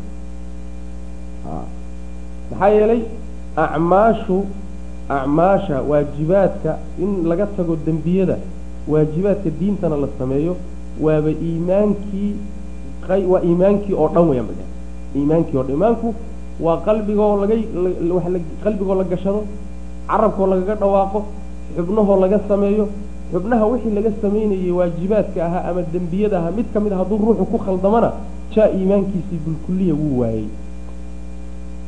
Maxay dhaheen marka ruuxii zinaysa naartuu gelaya haddii la yidhi macnaheedu wuu gaaloobay ruuxii ruux muslima dila naartuu gelayaa haddii la sheegay macnaheeda wuu gaaloobay adduunka marka ruuxii dembi weyn ku dhaca khawaarijtu waxay yidhaahdeen waa gaal adduunka aakharana alla waajib waxaa ku ah inuu cadaabka ku yani uu ku waariyo. Shafaacana laguma cafin karo lagamana soo saari karo jannana lama tusi karo waa in cadaabka uu ku waaro. Weewey kuwaasi. Waa khawaarijta. Muctasiladu iyaguna waxay yidhaahdeen waa idinla ogolnahay aakhare in cadaabka lagu waariyo. Laakiin waxaan idinkaga gedisannahay adduunka in la yidhaahdo waa mu'min. Waxaan dhihi laha adduunka inaan dhahno waa kaafir. Adduunkee waa kaafir yaynaan dhihi. Ee yaynaan gaalaysiinine aan dhahno boos wuxuu yaallaa u dhaxeeya iimaanka iyo gaalnimada. Laba reer dhexaad buu yaallaa laakiin aakhare waa idinla ogolahay cadaabka hala geeyo. Halkaasay macnaha ka baxeen. Almuhim waa ciidiyaa la isku yidhahda qolyaha waxay leeyihiin ruuxii dembi weyn gala aakharo cadaabka ha lagu waariyo. Murji-aduna maxay dhaheen ruuxii dembi weyn gala oon shirki ahayn iimaankiisa waxba ma yeelayo in jannada la geeyuuna ku qasbanya ahlusunna waljamaca say ugu dhexeeyaan marka. Ahlusunna waljamaca waxay dhaheen waxii shirkiga horta meel dhigtaga laakiin dembiyada waaweyn ruuxii ku dhacay iimaankiisii horta waxba u dhilmay oo iimaankii waa nusqaamaya. Maxaa yeelay iimaanku waa qalbiga carabka iyo xubnaha. Intaasaa laga sameeya laakiin ma aha xubnaha wixii laga qabanayay mid ka mid a hadduu ruuxu ku gafo inuu islaamnimadii iyo iimaankii o dhan waayayo cadaabna ku waaraya ma ahee? Waa mu'min laakiin iimaankiisu u dhaawacmay. Waa adduunka. Aakharo soo ma aha ilaahay buu hoos yaallaa arrinkiisu. Hadduu doono alla subxaana wa tacaala cadaabkuu geyn oo uu soo marin markuu dembigiisii kaga soo dhaqana jannadu ku dambaysiin hadduu doonana alla subxana wa tacala marka horeba intuu dembigii ka cafiyo buu jannada geyn laakiin jannaduu ku dambayni laba gooraba. Mar hadduu iimaanku dhintay saas man mar hadduu iimaanku dhintay. Marka maxay kaga gedisan yihiin? Waxay kaga gedisan yihiin murji'adii tidhi iimaanka wax ma yeelo dembigu. Way khilaafeen oo waxay dhi maya iimaanka waxbuu yeelaa dembigu. Marka wuu dhaawacaa wuu nusqaamiyaa wuu dhimaa. Khawaarijtana waxay kaga gedisan yihiin khawaarijtu waxay yidhahdeen iimaanka oo dhan baa dhammaan oo ruuxu wuu gaaloobi hadduu dembi weyn galo. Taana waxay yidhahdeen maya muusan gaaloobine iimaankii weli waaleeyo islaamnima waa ku jirta laakiin waa iimaan dhaawacan. Saas macnaha. Marka waa udhexeeyaan soo farqi maaha qolana waxay leedahay wax iimaanaba ma jiro. Qolana waxay leedahay maya iimaan dhamaystiran baa meesha yaalla waxay ugu dhexeeyaan marka waxay leeyihiin maya iimaan waa yaalla laakiin waa iimaan naaqis soo ma. Farqi baa udhexe marka labadooda qolo saasay ugu dhexeeyaan ahlu sunna waljamaca ayib wa fii baabi waciid illaahi ilaahay goodigiisa baabkiisana waxay u dhexeeyaan ahlu sunnuhu bayna almurji'ati. Nimanka murji'ada la yidhahda camalka kadib dhigay iimaanka oo yidhi iimaanku waa un qalbiga tasdiiq qalbiga un weeye. Qoladaa iyo walwaciidiyati qolada goodiyada. Ah goodiga waciidiyada waxaa la yidhahdaa sidaan soo sheegnayba waa khawaarijta iyo muctasilada leanna nusuusta goodiga ku soo aroortay bay ku xag yay ku kalax tageen yay ku fogaadeen saas maana saas daraaddeed baa waciidiye loogu bixiyey ayib walwaciidiyati oo min alqadariyati wagayrihi kuwa qadariyada la yidhaahda iyo keyrkood ba macnaha ayib ahlusunna marka saasay dhexdhexaad ugu yihiin imse masalaan haynaa marka asmaa wa sifaatkii waxay u dhexeeyeen jahmiyada iyo mushabbihada. Soo ma? Afcaasha ilaahayna waxay u dhexeeyeen jabriyada iyo qadariyada. Waciidka iyo goodiga nusuusta ku soo aroorayna waxay u dhexeeyaan murji'ada iyo waciidiyada. Saddex masalo soo maa masalada afraad waata marka. Wa fii baabi asmaa'i aliimaani iimaanka magacyihiisa iyo wadiini diinta magacyaheedana waxay u dhexeeyaan bayna alxaruuriyati walmuctaziliya walmuctazila khawaarijta iyo muctasilada oo iswata oo dhinac ah. Wa bayna almurji'ati waljahmiya iyo jahmiyada iyo murji'adoo iswata oo dhinac ah. Labadaasay udhexeeyaan asmaada iimaanka iyo diinta waxaa laga wadaa waa magacyaha ay diintu bixinayso ee ku baxaya ruuxu camalku samaynayo masalan magaca kaafir la yidhaahdo magaca mu'min la dhaho magaca muslim la dhaho goormuu ruuxu qaadanayaa goormuusan uusan qaadan karin. Waa masaa-isha aada laysugu khilaafay bay ka mid tahay. Oo waxau khilaafka u dhexeeyaa oo ku kala tegey murji'ada iyo jahmiyada oo meel ah iyo xaruuriyada waa la yidhahda waa khawaarijta xaruuriyadu waa khawaarijta. Xaruuraa baa laga keenayo. Waa magaaladii ugu horreysay khawaarijtu ka bilaabatay baa xaruuraa la dhihi magaaladii marka ay ka bilowdeen baa loo nisbeeyey. Xaruuriyatin anti waa tii odhan jiray caaisha radi allahu canha gabadhii weydiin jirtay yani dhiigga haweenka ku dhaca. Haweenka maxaa soonka qalleeya loo yidhi? Oo salaadaha qallayna loo yidhi markaasa waxay tihi axaruuriyatin anti. Naama khaarijiyad baad ma khawaarij baad ku salleedahay caaisha waa tii xadiiska saxiix bukhaariga iyo keyrka ku soo arooray marka yani alxaruuriya hum alkhawaarij saas way macana marka xaruuriyada iyo muctasilada khawaarijta iyo muctasilada waa isku meel murji'ada iyo jahmiyaduna waa isku meel masaladan markii la yidhaha waxay isugu khilaafsan yihiin marka khawaarijta iyo muctasiladu waxay leeyihiin magaca iimaanka laguma tilmaami karo lama siin karo ruuxaan iimaankiisu kaamil ahayn yacni ruux qalbiga ka rumeeyey carabka kaga dhawaaqay xubnihiisa wax kasta oo waajiboo la faray oo dhan la yimid wax kasta oo laga reebay oo dhanna ka tegey kaasaa la yidhahdaa mu'min hadduu wixii laga reebay wax yar ku dhaco magacii iimaanka waa waayaya hadduu zino ku dhaco magacii iimaanka waa waayaya haddii uu ka tago masalan waxa weye maaragtay xajkii ka tago magacii iimaanka waa waayaya somatikiyan xaqiiquuna u waayayaa waa gaaloobayaa bay leeyihi mu'min la dhihi maayo maxaa la dhahayaa? Kaafir baa la dhahaya cinda alkhawaarij. Muctasiladuna maxay dhaheen? Way ka yara sokeeyaan magaca loo bixinayo adduunka. Oo iyagu waxay yidhahdeen me kaafir yaynaan dhihine. Waxaan dhahaynaa manzilatun bayna almansilatayn wuxuu yaallaa boos u dhaxeeya iimaankii iyo gaalnimadii. Laba reer dhaxaad buu degan yahay. Waa muctasilo qoladaasi waa nimanka la yidhaahdo xaruuriyada iyo muctasilada say qabaan magaca iimaanka waxaa lagu waayaa haddaabad dembi weyn gasho ama waajib aad ka tagto dembi weyna aada gasho. Magacii iimaanka automatikiin waad odaysaa tilqaa'iyan baad u waayeysaa macana waa say leeyihiin khawaarijta iyo muctasilada murji'adu maxay dheheen mataqaana murji'adu waxay yidhaahdeen dembi kasta oo la galo oo dembi weyn ah shirkiga meeshiisa dhig dembi kasta oo la galo iimaanka waxba ma yeelee? Haddaad zinaysato haddii aada wax disho haddii aada wax haddo haddaad salaada ka tagto haddaadan sakaysanin haddaadan soomin mu'min baa tahay weliba iimaankiisu kaamil yahay. Wuxuu la iimaan yahay bay dhaheen jibriil iyo nebi maxamed iyo saxaabadii iyo ninka sidaa sameeyey waa isku iimaan. Maxaa yeele iimaanku waa un qalbigay dheheen iimaanku waa un qalbiga. Soomaalida madhabkaas aad bay wax ugaga yara jiraan can dariiqi suufiya bay ku soo gaadhay madhabkaasi ugu yimidoo ninka soomaaligii isagoon wax camala la imaanaynin oon ilaahay weligii hal marna u sujuudin buu haddana rumaysanya inuu jannada kaaga hormari doono. Xagee ka timi mataqaanaan caqiidadaas camal ma jiro inuu shaqaysta ma rabo haddana wuxuu rumaysan yahay hadduu dhinto inaan jannada looga horreynayn waa caqiidat lmurjia saas maana waa caqiidat lirjaa marka iyagu saasay rumaysan yihiinoo iimaanku dembigu wax ma yeelay qabaan. Qoladiina maxay lahaayeen? Dembiga weyn iimaankaba wuu baabi'iya waxba kama reebo. Qoladii ka soo horjeeda. Ahlusunna waljamaca say ugu dhexeeyaan marka? Waxay ugu dhexeeyeen ahlusunna waljamaca waxay yidhaahdeen dembiyada waaweyn shirkiga kama hadlayno. Dembiyada waaweyn ee hadda aan wax ka tusaalaynay ruuxu hadduu galo isagoo mu'min ah iimaankii horta kama saarayso bilkuliya ayb oo mu'min weeye waa la dhihi. Taa waxay ku khilaafeen khawaarijtii iyo iyo muctasiladii laakiin haddana iimaankiisu waa kaamil. Dhihi mayno sidii murji'ada oo kale waxaan dhahaynaa waa mu'minun naaqisuliimaan waa mu'min laakiin iimaankiisu waa dhiman yahay oo iimaankiisu waa dhaawacan yahay oo dembi kastoo uu gelayo weyn iimaankiisuu dhaawacayaa. Laakiin iimaanka asalkiisii wuu wataa. Oo waxaan dhahaynaa waa mu'min iimaankiisu kala dhiman yahay oo iimaankiisu dhammaystirnay. Marka khawaarijtii iimaanka o dhan meesha ka saartayna way khilaafeen. Nimankii la odhan jiray murji'adii iimaanka o dhan u sugtayna way khilaafeen. Labadooday udhexeeyaan macnaha. Qoladanna waa ka sokeeyaan qoladanna waa ka shisheeyaan saasay ugu dhexeeyaan macnaha. Ayib ma la fahmo. Waa masaa'il daqiiq ah.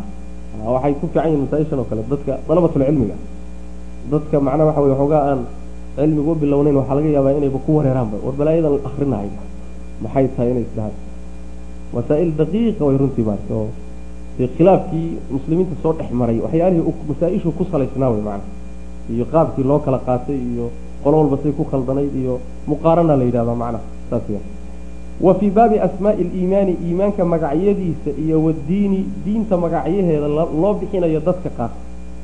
Dadka qaata ama magacyaha diinta iyo uu iimaanku bixinayo magacyaha baabkeedana ahlu sunnuhu waxay ugu dhexeeyaan bayna alxaruuriyati waalmuctasila khawaarijta iyo muctasilada oo dhinaca wa bayna almurji'ati waljahmiya iyo murji'ada iyo jahmiyada oo iyo dhinaca macnaha oo qolada horena ay leedahay dembiyada waaweyn iimaanka waa dhammaynayaan qolada dambena ay leedahay dembiyada waaweyn iimaanka waxba ma yeelaan.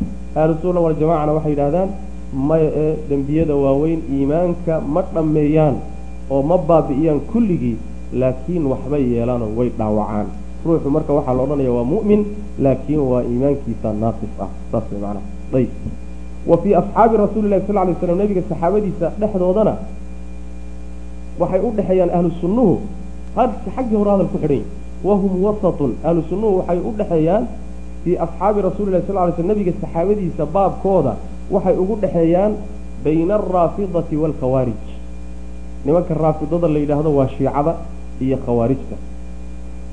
Raafidadu waa shiicada khaasatan qolyahoodan la yidhahdo alitnaa cashariya ee hadda dowladda iiraan ay dowladda u tahay kuwaasaa raafidada la yidhahda raafida la dhaha khawaarijtuna waa kuwaan hadda soo sheegayna saxaabadii nebiga sal alay wasalam ayaa marka waxaa ka mida mawaadiicda ugu muhiimsan ee firqaduhu ku kala tagan laysku khilaafay masalan rawaafidtu raafidadu saxaabadii nebiga sal lla alay wasalam way kala qaadeen.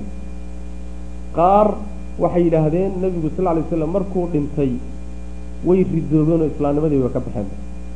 Walciyaadu billah. Qaarna aalu beytkii ay ku sheegeen oo cali bn abi aalib radi allahu canhu iyo dadkii ka farcamay ah oo weliba yani faatima radi allahu canha caruurtii ay dhashay ah iyagana huluwi bay ku sameeyeenoo waxay gaadhsiiyeen inay yidhahdaan waa ilaahyo cali ilaah buu ahaa. Waxay soo baxeen intuu cali noolaa bay soo baxeen. Madhabkaa waxaa ka dambeeyey nin yahuudi ah oo la odhan jiray cabdullahi ibnu saba baa ka dambeeyey. Asalka shiicada ninkii aasaasay wuxuu ahaa nin yahuudi ah. Cabdullahi ibnu saba baa la dhihi jiray wuxuu isku dayey islaamka waagii u xooga badnaa waxaa la ogaaday islaamka xooggiisan inuu ka imaanayo caqiidada saxda uu rumaysan yahay markaasay markay awood iskaga celin waayeen islaamka baa waxay isku dayeen inay sirta xooggu meeshuu ka imaanayo oo caqiidada saxdaa inay markaa dhaawacaan oo iyada la garaaco. Cabdullaahi ibnu saba ninkaasaa soo baxay markaasuu wuxuu tabaniyey barnaamij la yidhaahdo aalu beytkii nebiga ehelkiisii iyo dadkii uu dhalay. Waa dulman yihiinoo waa la dulmiyey wuxuu ka faa'iidaystay dadka muslimiinta oo qalbigooda uu ku jiro aada uga buuxo jacayl ay u hayaan nebi maxamed salawaatu rabbi wasalaamu caleyh iyo aalu beytkiisii halkaasuu marka ka galay. Markaasu wuxuu huwaday xaqii aalu beytkan u doodaya oon raadinaya. Haye wuxuu ka bilaabay nebi maxamed markuu dhintay hee ee uu dhimanayey wuxuu uga tegey madaxnimada muslimiinta cali bni abi aalib buu u dardaarmay. Waxaa ka boobay oo xoog kaga qaatay abubakr sidiiq iyo cumar ibnu khadaab iyo raggaasaa boobay. Aalu beytkii marka waa dhacan yihiin xaqoodii hala raadiyo halkaasu ka galay. Dad iska cusub oo islaamka iska jecel oo aalu beytka isaga jecel baa la judbooday shiica halkaasay ku bilaabay waa ka sii socdeen waxay bilaabeen inay yidhaahdaan cali bni abi aalib basharba ma ahayne ilaah buu ahaa. Heerkaa markay gaadhayaan cali waa nool yahay. Cali bn abi aalib radi allahu canhu wuu nool yahay wuu soo qaqabtay markuu ka war helay dab intuu shiday buu dab ku guray. Xataa ciqaab kale waa u quuri waayey. Iyagoo saa lagu sameeyey haddana mayna daynine waxyaalaha qariibka waxaa ka mid a wuxuu noo cadaabaya ma taqaanaan bay dheh wuxuu noo cadaabaya haddaaban xaqiiqsanay inuu ilaah yahayo dab ilaahay unbaa wax ku cadaaba. Bal waxaan arag. Halkaasay ka sii miiseen. Markaasaa waxay taxeen wax kasta oo ka farcamay cali bni abi aalib farciisii bay saxaabadii nebiga ka soo reebeen salawaatu rabbi wasalaamu caleyh waa raafidada. Wixii kale oo dhanna badday raaciyeen.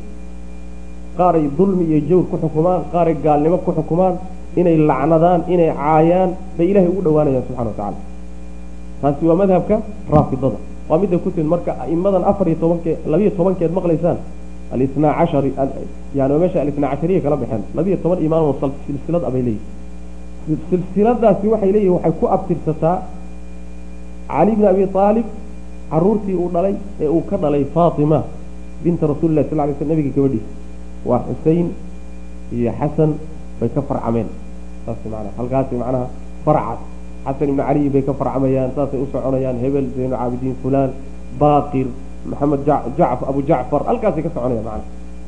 Waxay leeyihiin marka waa macsuumiin oo sida nebiyadoo kaleetay u rumaysan yihiin inay yihiin qoladaasi marka saxaabada nebiga waxay ka rumaysan yihiin ictiqaadkoodu waxa weeyaan saxaabadii nebiga qaar bay huluwi iyo xadgudub ku sameeyeen. Waa raafidada soo ma?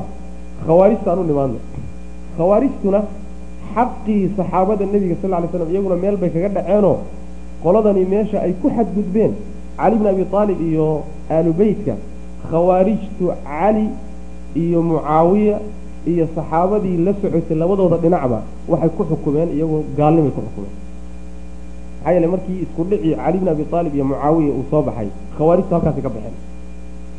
Markii heshiisku dhacay oo la heshiiyey baa waxay cali bay la socdeen. Markaasaa cali waxay ku yidhaahdeen annagoo xukumkii ilaahay waxay u arkeeyeen mucaawiye in sida loo sii wado loo sii wado loo sii wado laga takhallusoo la baabi'iyo. Cali marka heshiis buu qaatay dagaalkiibuu joojiyey waa la heshiiyey. Markaase cali waxay ku yidhaahdeen rag baad intaad tale u dhiibtay baad kitaabkii ilaahay ka tagtay rag baadna xukumkooda ka dooratay sidaa daraaddeed caliyo waad gaalowday. Haye mucaawiyana horuu gaal u sii ahaa. Haye dadka inta idin raacsanna qolana cali bay ku dabsafan yihiin waa saxaabada qaar ka mid a qolana mucaawiya ku daba safan yihiin iyaguna waa idinla gaaloobeen. Wax alla waxaan khawaarij ahaynna waa gaaloobeen. Halkaasi marka soo saaray maxay sabeen marka? Saxaabadii nebiga sal alay waslam bay gaalaysiiyeen waa qolyaha marka cali bin abi aalib baa gadaal dambe la dagaalamay macrakatu nahrawaan yuu eber kaga dhigay oo ku baabi'iyey. Rasuulkaana sal alay wasalam faray saxaabada nimankaas hadday soo baxaan in lala dagaalamo.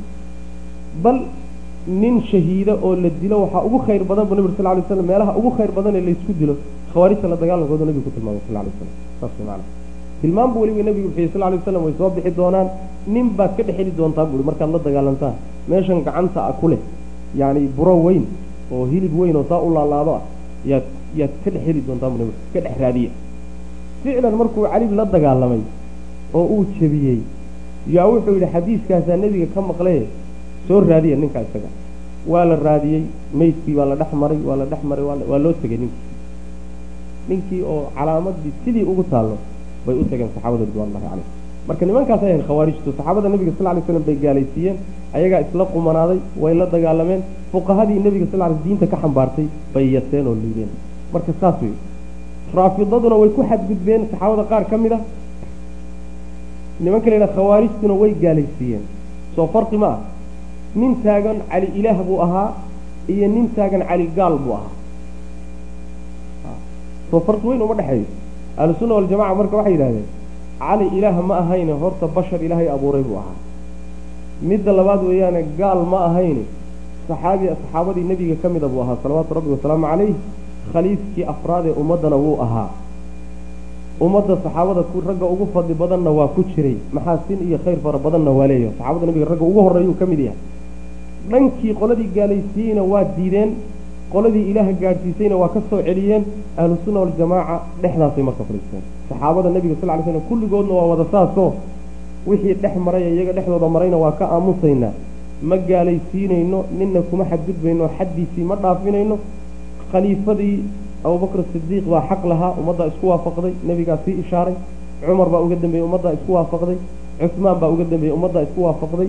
Cali bni abi aalib baa uga dambeeyey ummaddaa isku waafaqday. Saas macana marka ahlusunna waljamaaca madhabkoodu waa kaasoo waxay u dhexeeyaan khawaarijta iyo nimanka la yidhahdo raafidada oo qolona ku xadgudubtay xaddii ay dhaafisay saxaabada ay dhaafiyeen qolona ay ka soka dhaceen xaqii saxaabada ridwaanullahi calayh wa fii asxaabi rasuuli lahi sal ly sl nabiga saxaabadiisa dhexdooda mas'alada saxaabada nebiga ku saabsan ahlu sunnuhu waxay u dhexeeyaan bayna araafidati raafidada shiicada shiicada iyo walkhawaariji khawaarijtay udhexeeyaan oo khawaarijtuna gaalaysiiyey saxaabada khaasatan ahlubeyt iyo cali.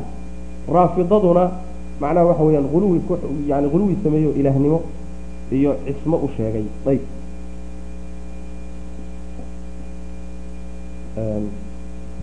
ma joojina sheekh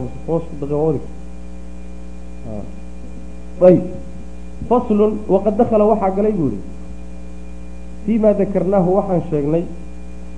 Marka intaasoo mas'alo oo waa masaa-isha ugu muhiimsan ee firqooyinku ay isku khilaafsan masaa-isha ugu muhiimsan ba inkuu kuwa hadda soo sheegay taqriban lagu kala baxsan intaaba ahlu sunna waljamaaca waxay u dhexeeyaan labada daraf ee ay kala taagan yihiin firqooyinka iskhilaafay macnaha. Ayb waqad dakala waxaa galay buuhi fii ma dakarnaahu wixii aan sheegnay oo min aliimaani rumaynta billaahi ilaahay la rumeeyo. Waxaa galay oo ka mid ah aliimaanu rumayn bimaa shay la rumeeyo akhbara allahu alla uu warramay. Bihi isaga fii kitaabi kitaabkiisa uu ku sheegay.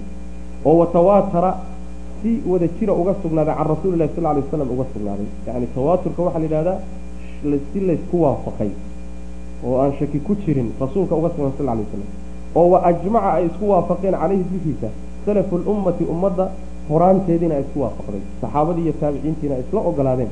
Muxuu yahay kaas? oo min annahu isagu alle subxaanahu nasahnaaye fawqa samaati samaawaatihi inuu yahay. Ah arrinkaas kitaabka sunnada ijmaaca salafka uu ku soo arooray iimaan in la rumeeyana ay iimaanka ka mid tahay waxa weeye alla subxaana wa tacala inuu fawqa samaawaatihi u yahay ciraryaalkiisa inuu ka sarreeyo. Calaa carshihi carshigiisa dushiisana uu yahay. Baa-inun uu yahay mid ka baxsan min khalqihi khalqigiisana ka baxsan.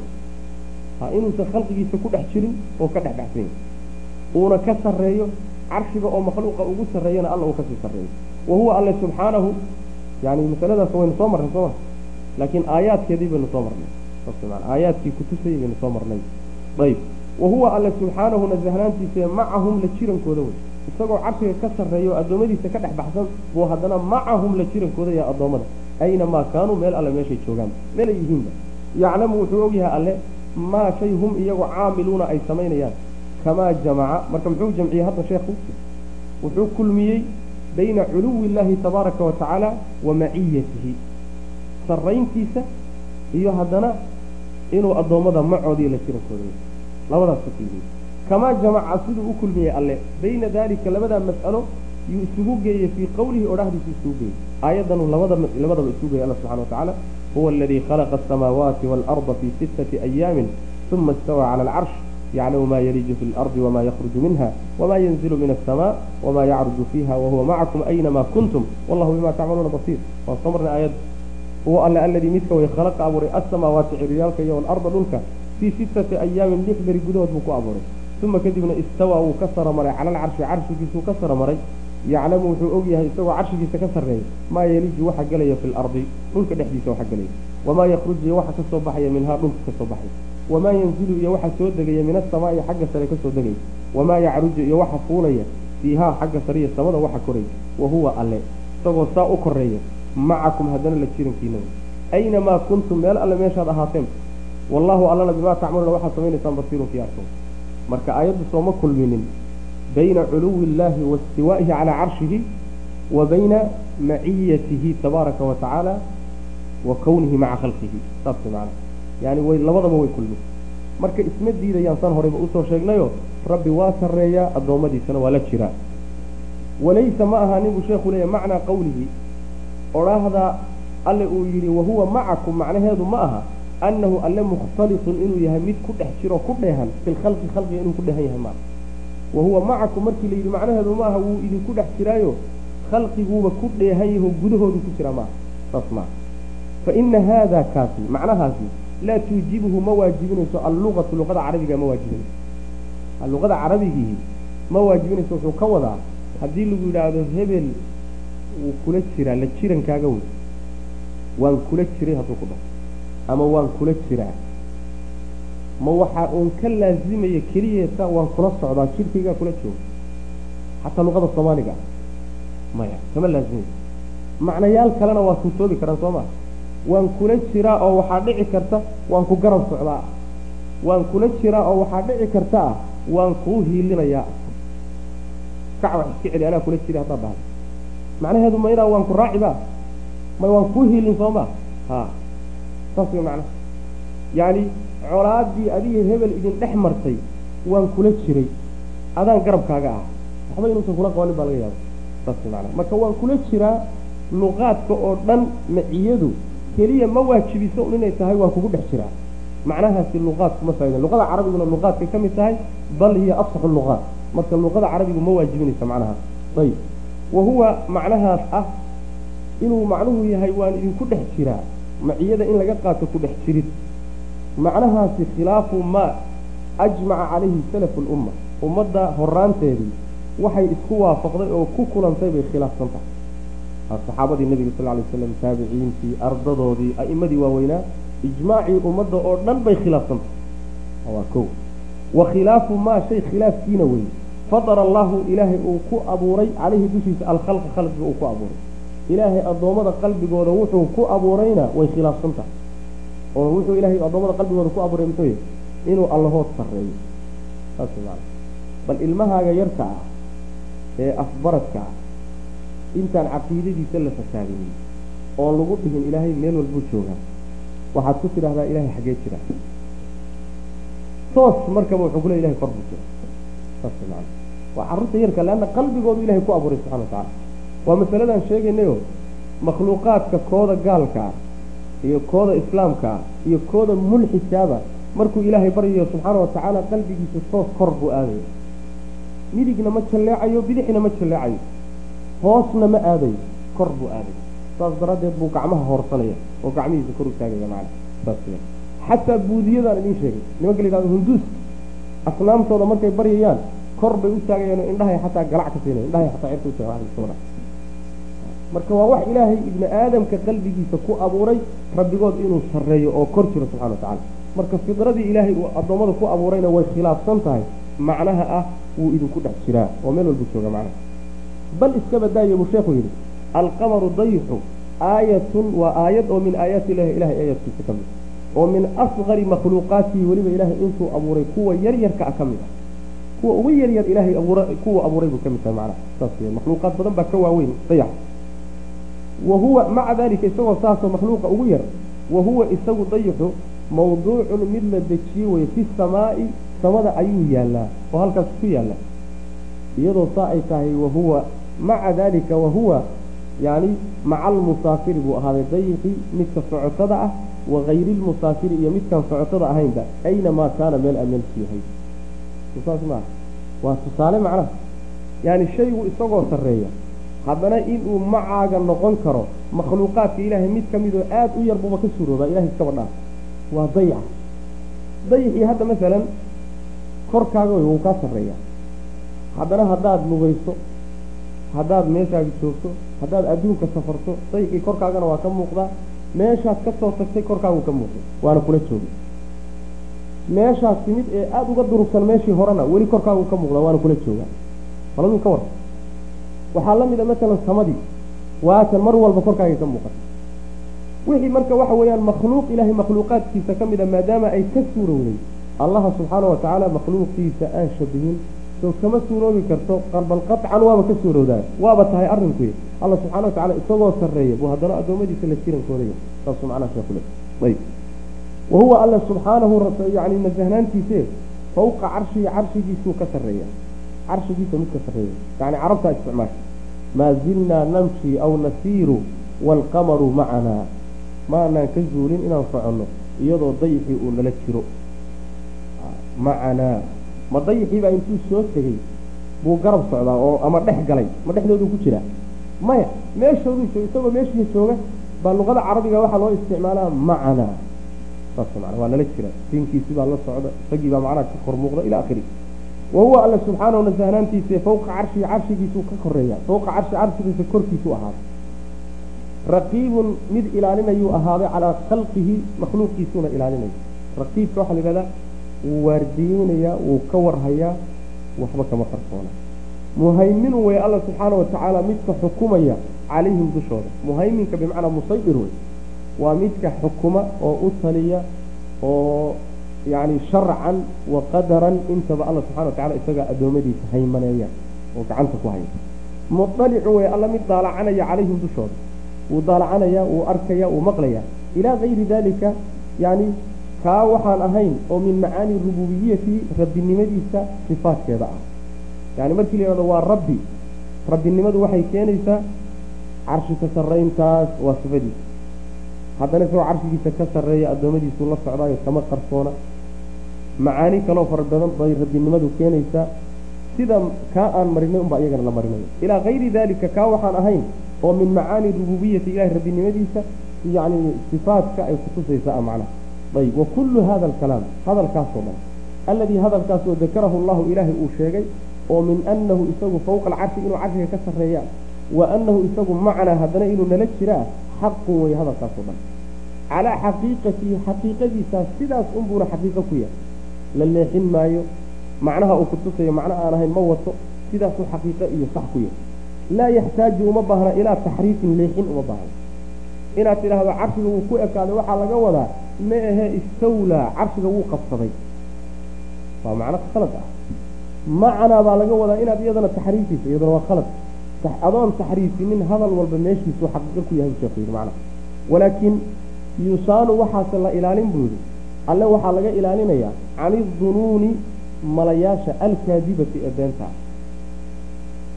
Mila malaha la malayn kare beenta macnaa ismoodsiiska waay ha inaad ismoodsiiso alle haddii la yidhi carshigiisuu ka sarreeyaa haddii la yidhi macnuhu inuu yahay carshiguu u baahan yahay waa ismoodsiis ama inaad ismoodo inuu carshiga cuskan yahay waa ismoodsiis waa wahmi iyo ismoodsiisun maskaxdaada ku dhashay malaha noocaasoo kale ah alla subxana wa tacala in laga ilaaliyo.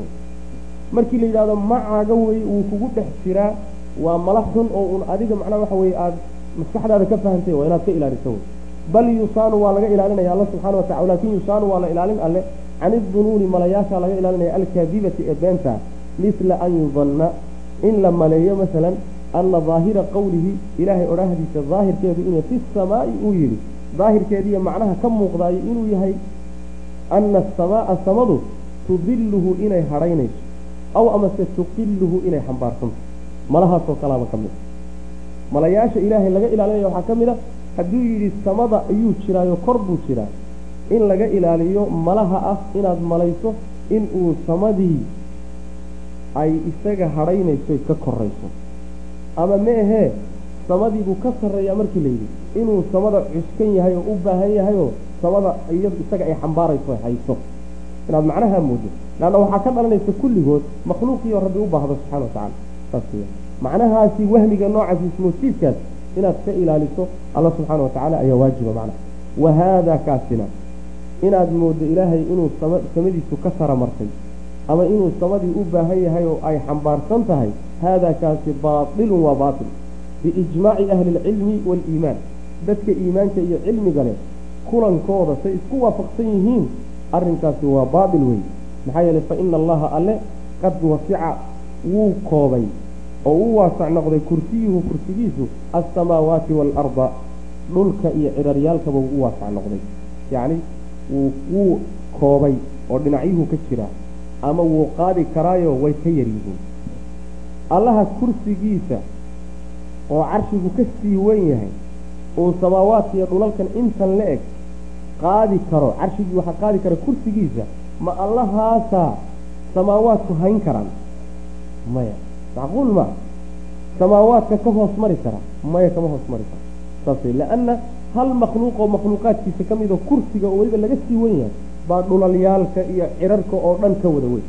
Saas wey maanaa waa kursiga alla subxana watacala wasica kursiyuhu samaawaati waalard wa huwa alla yumsiku isagaa haya alsamaawaati ciraryaalka iyo waalarda dhulka wuxuu ka hayaa an tazuulaa inay zuulaan inay baaba-aan dhulka iyo cirarka ilaahay baa ka haya subxana watacaala haddii la yidhaahdo isagii hayay baa ku tiirsan macnaheedu wuu u baahan yahay sooma u baahan yahay baa ka dhalanay seebuu u hayaa waaba u baahan yahay isagii baa u baahan miyuu hayn karaa may ma hayn kara wy macnaha marka isagaaba hayee seebuu ugu baahan karaa wy isagaa haye oo inay zuulaan ka haya macnaha wa yumsiku wuu hayaa alla subxaana watacaala asamaaa samada wuxuu ka hayaa an taqaca inay dhacdo cala alardi dhulka inay ku soo dhacduu ka hayaa ilaa biidnihi isaga idankiisa inay ku soo dhacdo mooyaan inay samadu dhul ku soo dhacdo waxaa u diidaya alla subxana watacaala tiir haya ma aragno rabbi amarkiisay ku taagantahay subxana watacala wa min aayaatihi ilaahay aayaadkiisa waxaa ka mid a an taquuma inay istaagto assamaau samadii iyo waalardu dhulkuba biamrihi ilahay amarkiisa inay isku taagaan.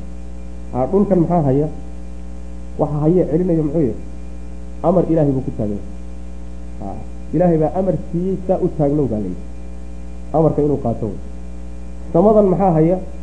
Ma tiirar baa haya maya amar ilahay buu ku taagan yahay ilaahay baa amar siiyey saa isu taag baa layidhi sabti bay u taaganta samaawaadka iyo dhulalkuba amar ilahay bay ku taagan ma ilaahay subxaana watacaala marka mana iyagu ma koobi karaanoo kama soo hoos mari karo oo kama sara mari karaan. Mana xambaari karaan rabbi subxaana watacaala maxaa yeelay waa makhluuqaad aada u yar yar oo daciif ah wey hada wabilahi towfiiq wsala allahuma waslm calaa nabiyina muxamedi wacala aalihi wasaxbihi wasalam wax yar baa inoo laaban maaqaan laba dersiya wuxuu noqon doone in sha allahu tacaala idaarada un baa un waktigii kale u sheegi doonta. Wallahu aclam